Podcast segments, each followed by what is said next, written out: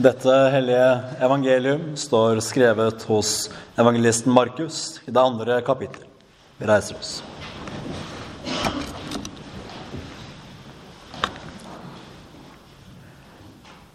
Johannes' disipler og fariseerne holdt faste, og noen kom og sa til ham, Hvorfor faster både Johannes' disipler og fariseernes disipler, men disiplene dine faster ikke? Jesus sa til dem, Brudesvennene kan vel ikke faste når brudgommen er iblant dem? Så lenge de har brudgommen hos seg, kan de ikke faste. Men de dager skal komme da brudgommen blir tatt fra dem, og da skal de faste på den dagen. Slik lyder det hellige evangeliet.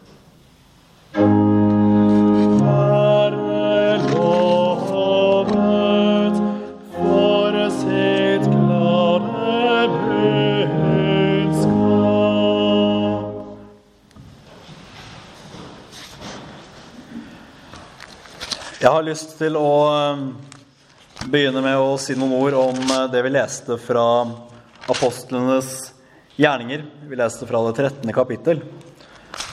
Og Der står det at eh, vi skal gå inn i Guds rike gjennom mange trengsler. Dette her er ikke første gang at, eh, og heller ikke siste, at det står noe i Skriften om at den kristne kirke og at den enkelte kristne skal oppleve trengsler. Eller sagt på en annen måte skal ha det vanskelig. Vi leser det her i apostlenes gjerninger. Og Vi kan også lese om det profetisk, bl.a. i Bibelens siste bok, Johannes' åpenbaring. Og Paulus i sine brev bl.a. til hans venn Timoteus taler flere ganger om dette. Og han sier bl.a. rett ut at den som vil leve et gudfryktig liv i Kristus Jesus, skal bli forfulgt. Det er vanskelig å si og vite hva tilhørerne tenkte da de hørte dette, at de må gå inn i Guds rike gjennom mange trengsler. Men når vi ser tilbake på hvordan historien ble for dem, så kan vi iallfall se og si at uh, dette ordet ble i aller høyeste grad oppfylt. Fordi hvem fikk det vel verre enn de første kristne? Hvem fikk det vel verre enn de som ble stukket med sverd, som ble kastet til villdyrene, og som på mest brutale vis ble forfulgt for sannhetens skyld? Det var store trengsler. Og opp gjennom historien så har det også vært en tid med trengsler. Ja, selv om Kirken også i store deler av vår felles vestlige sivilisasjons historie har vært makthavende og har absolutt vært en majoritetskirke, som Kirken her i Norge har vært veldig lenge, så har det på en eller annen måte alltid vært trengsler. Og de som har stått på sannheten, har på flere måter og til alle tider på en eller annen måte opplevd trengsler. Og vi skal ikke lure oss selv til å tro Kanskje har vi gjort det. Nettopp fordi Den kristne kirke i Norge har vært majoritetskirke så lenge. Da tenker vi at trengsler Trengselens tid, den finner sted en annen plass enn her hos oss. Vi har det jo så godt. Vi kan gå til vår kirke på søndag i frihet og i fred. Vi risikerer ikke å bli bombet mens vi er på gudstjeneste som andre kristne i verden faktisk risikerer. Eller at væpnede menn stormer inn. Vi skal se og vi skal anerkjenne at våre kristne brødre ute i verden de lever under ganske mye hardere trengsler enn det vi gjør. Men vi ser samtidig på det som beveger seg i tiden. Vi ser samtidig på de strømninger som er rådende i dag. Vi ser hva som er den rådende ideologi i samfunnet. Og vi erkjenner at den er noe ganske annerledes enn evangeliet om Jesus Kristus og den tro vi har fått overlevert fra apostlene. Det er noe ganske annet. Og det trenger ikke å skremme oss nevneverdig, fordi Gud er med oss. Det vet vi. Det har vi visst all den tid vi har vært Kirken.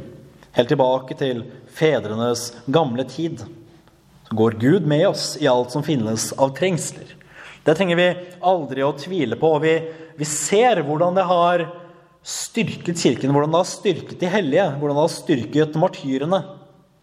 At Gud har vært med dem og de har kunnet gå inn i og overleve på en måte verden ikke forstår. Fordi Gud var med dem. Nå skal vi ikke la oss skremme når vi ser at uh, det verden står for, er noe annet enn evangeliet og noe annet enn den apostoliske tro. Nei, det skal vi ikke gjøre. Men vi skal heller ikke sove. Vi skal heller ikke lene oss tilbake og tenker at eh, vi har det ikke så ille som de kristne i Midtøsten. Her er det ikke trengsel hos oss. Nei, her er det ikke forfølgelser. Her er det ikke sannheten under angrep. Her er alt i sin skjønneste orden. Det kan vi ikke lure oss selv til å tro. Fordi hvis vi sover, da kan vi stole på at djevelen vil komme og røve alt det vi har. Hvis vi sover, så kan vi risikere at djevelen kommer og røver den dyrebare skatten som er evangeliet, Guds ord og hans hellige sakramenter. Og det skulle vi vokte oss for. For om vi blir funnet sovende, og i vår søvn blir frarøvet troen, den tro vi har fått overlevert, da har vi et problem. Så når vi leser at vi skal gå inn i Guds rike gjennom mange trengsler, da skulle det tilskynde oss på en helt annen måte enn jeg tror er tilfellet i dag, til å holde fast på troen. Og når man snakker om å holde fast på troen, da tenker jeg at det er to aspekter ved det som man kan løfte fram. Og mens jeg leter fram der i Bibelen hvor, eh, hvor, det står om det andre aspektet, så skal jeg prøve å si litt om, om det første, så får vi se hvor god jeg er på å gjøre flere ting samtidig. Men for det første så er det altså snakk om å holde fast på troen for ens egen del. Du og jeg er nødt til å holde fast på troen i vårt liv, i vårt indre. Og hvilken tro er det? Jo, det er den tro som har frelst oss. Den tro på det offeret Jesus fullførte på Golgata. Den tro som i liv og død fester, sin, fester all sin lit til Jesu blod og til den dåp vi ble døpt med, og sier at se her, her har Gud frelst meg. Gjennom sitt dyrebare blod og ved sin, ved sin dåp. Og den skal vi holde fast på. Og vi må alltid tro det. Vi må alltid tro at Jesus har frelst oss. Det er den første og viktigste tro vi er nødt til å holde fast på. Nå har jeg faktisk funnet det jeg lette etter. Halvveis stolt over meg selv. Men i kapittel 14 i apostlenes gjerninger så står det at eh, de styrket disiplenes sjeler. Og hør dette. Formante dem til å holde fast ved troen. Og så sa de vi må gå inn i Guds rike gjennom mange trengsler, som jeg allerede har sagt litt om. I kirkens tidlige tid så var det helt ufravikelig vesentlig at man holdt fast ved troen. Og den troen som det her snakkes om Ja visst kan det høres som om det er den tro jeg nettopp nevnte, den indre tro på vår frelser som har frelst oss. Men når man snakker om å holde fast på troen, så kan man, og det gjøres også noen steder, og betydningen blir ikke annerledes, man kan bytte ut ordet tro med lære. Når vi sier at vi har fått en, fått en lære overlevert fra apostlene, kan man si hva er denne læren? Jo, det er den apostoliske tro. Og denne skulle vi like fullt holde fast på. For på en måte så henger det sammen med den personlige tro. Samtidig så er det noe mye bredere. For da handler det om selve essensen i den kristne religion. De dype sannheter om hvem Gud er. Vi vet at han er treenig. Hvem Jesus Kristus er. Sann Gud og sant menneske. Og hvem Den hellige ånd er. Så følger det mye av dette, alt som vi har fått overlevert gjennom årtusenene. Dette er det viktig å holde fast på. For hvis man avviker fra dette Og det skjer. Og det er overraskende mer og mer, mer, vanlig. Kanskje. Det vet jeg ikke. Jeg levde jo ikke i den tidlige kirke. Det var jo lærer som avvek da også. Men det later til å være et, et symptom i vår tid at uh, noen dukker opp og tenker at uh, Nei, nå har Kirken tatt feil i 1800 år, som flere tenkte på 1800-tallet. Nå har Kirken tatt feil i 1900 år. Nå har Kirken tatt feil i 2019 år. Det skjer. Og når det skjer, så skulle vi høre disse ord. Og vi skulle høre denne apostoliske formaning som om det var til oss selv. Som om det var til oss selv som individer, og om det, som om det var til oss selv som kristne.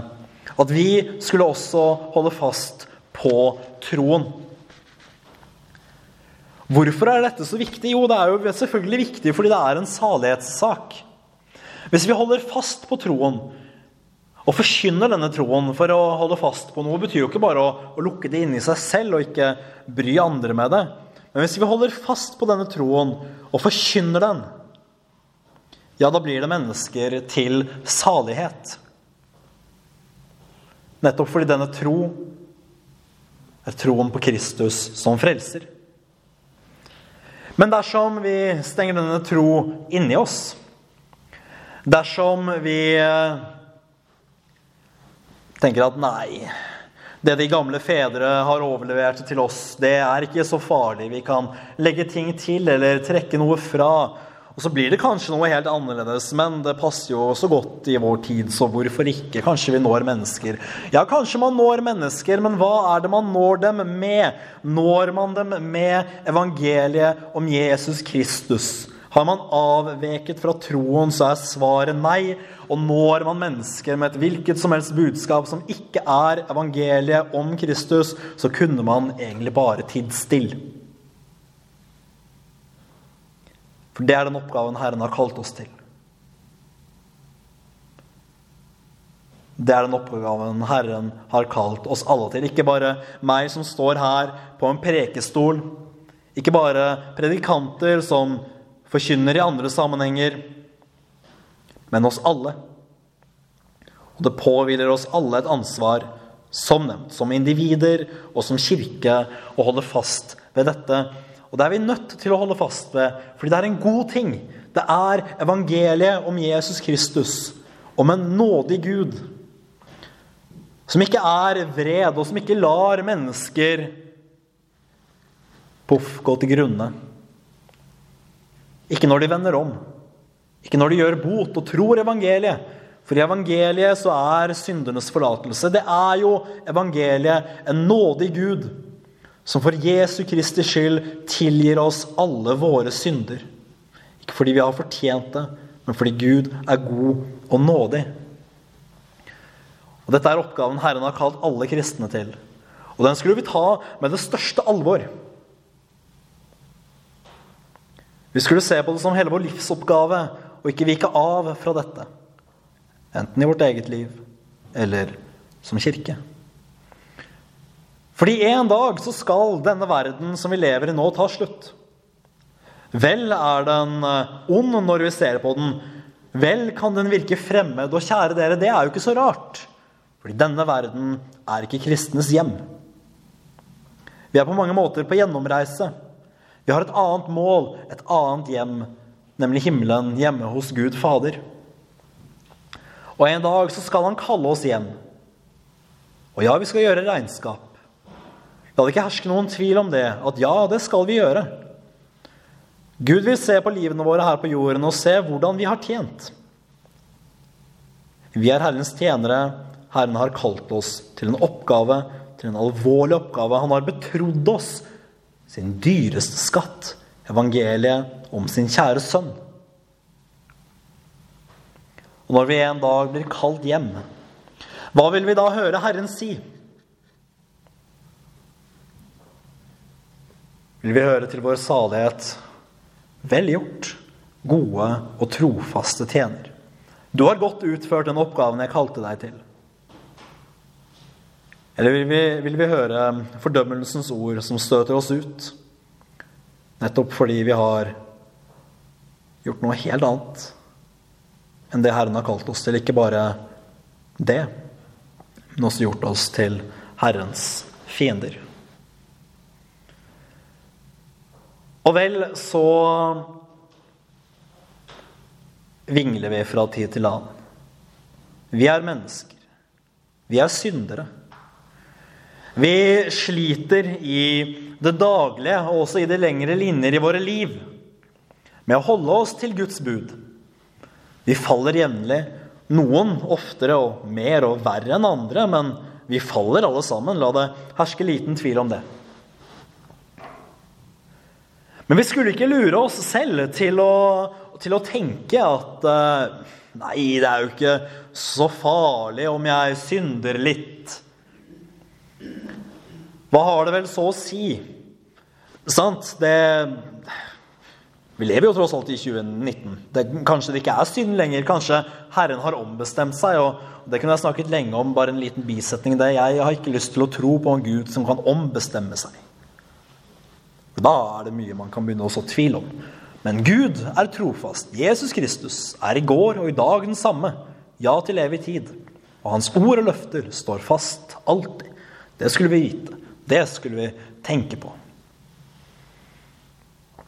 Men når vi vet at vi er syndere som stadig kommer til kort, så skulle vi alltid holde oss nær Jesus. Ikke unnskylde vår synd. Det må vi aldri finne på. Men vi må heller aldri finne på å, å, å tenke at Nei, nå er Guds nåde brukt opp for meg. Nå er det slutt. Jeg har snakket i tidligere prekener om Guds tålmodighet.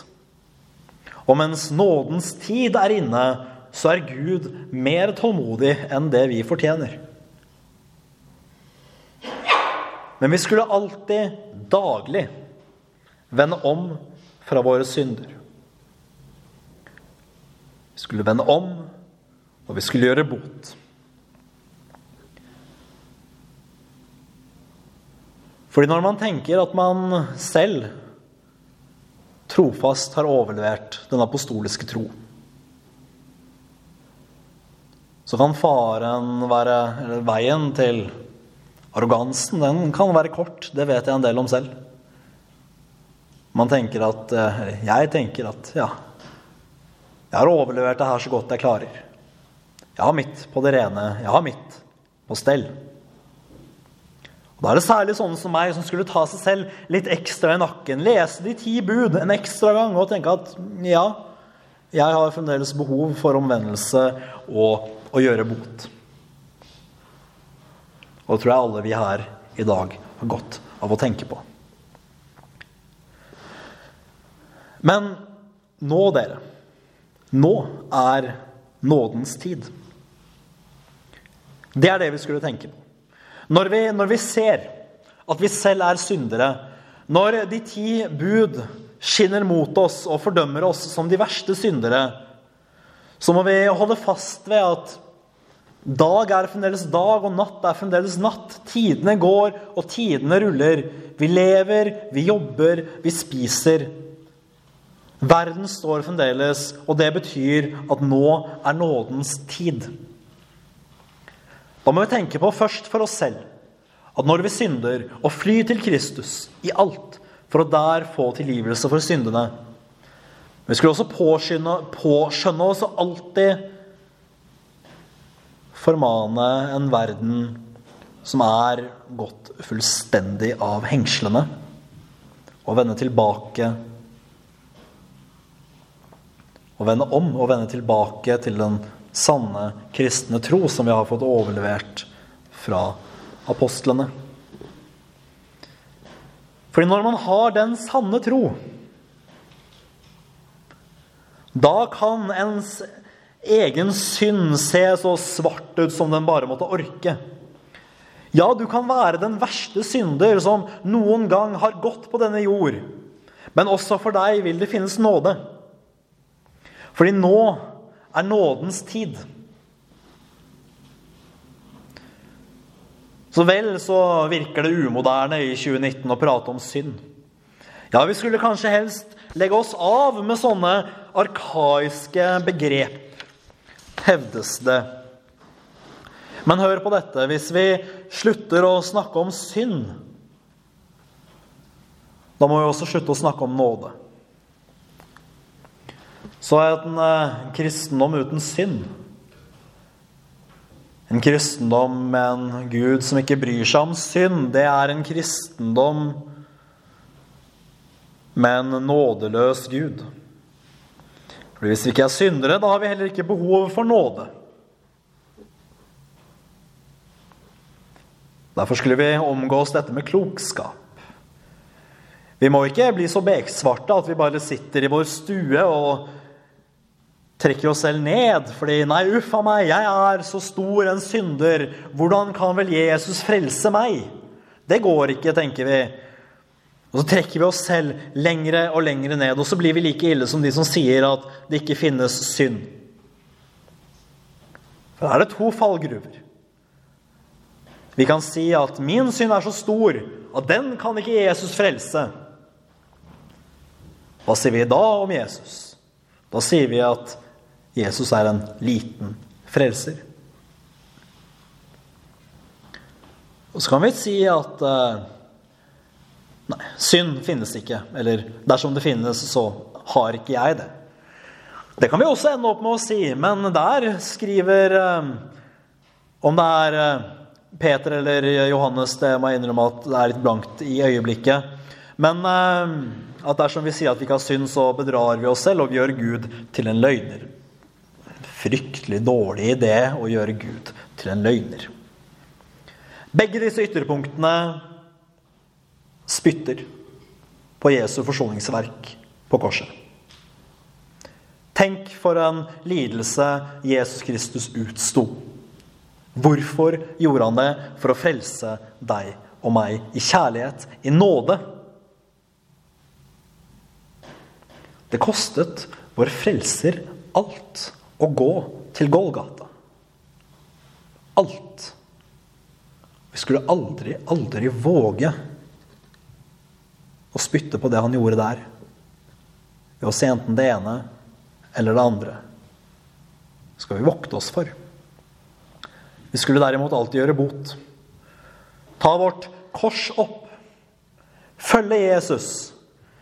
Vi er kalt til å bære våre kors. Gjennom trengsler, gjennom motgang, gjennom forfølgelse. Vi er kalt til å bære våre kors. Og vi vet alle sammen hvor veien med korset går. Vi er kalt til å ta opp våre kors og følge etter Jesus. Vi vet hvor Jesus gikk.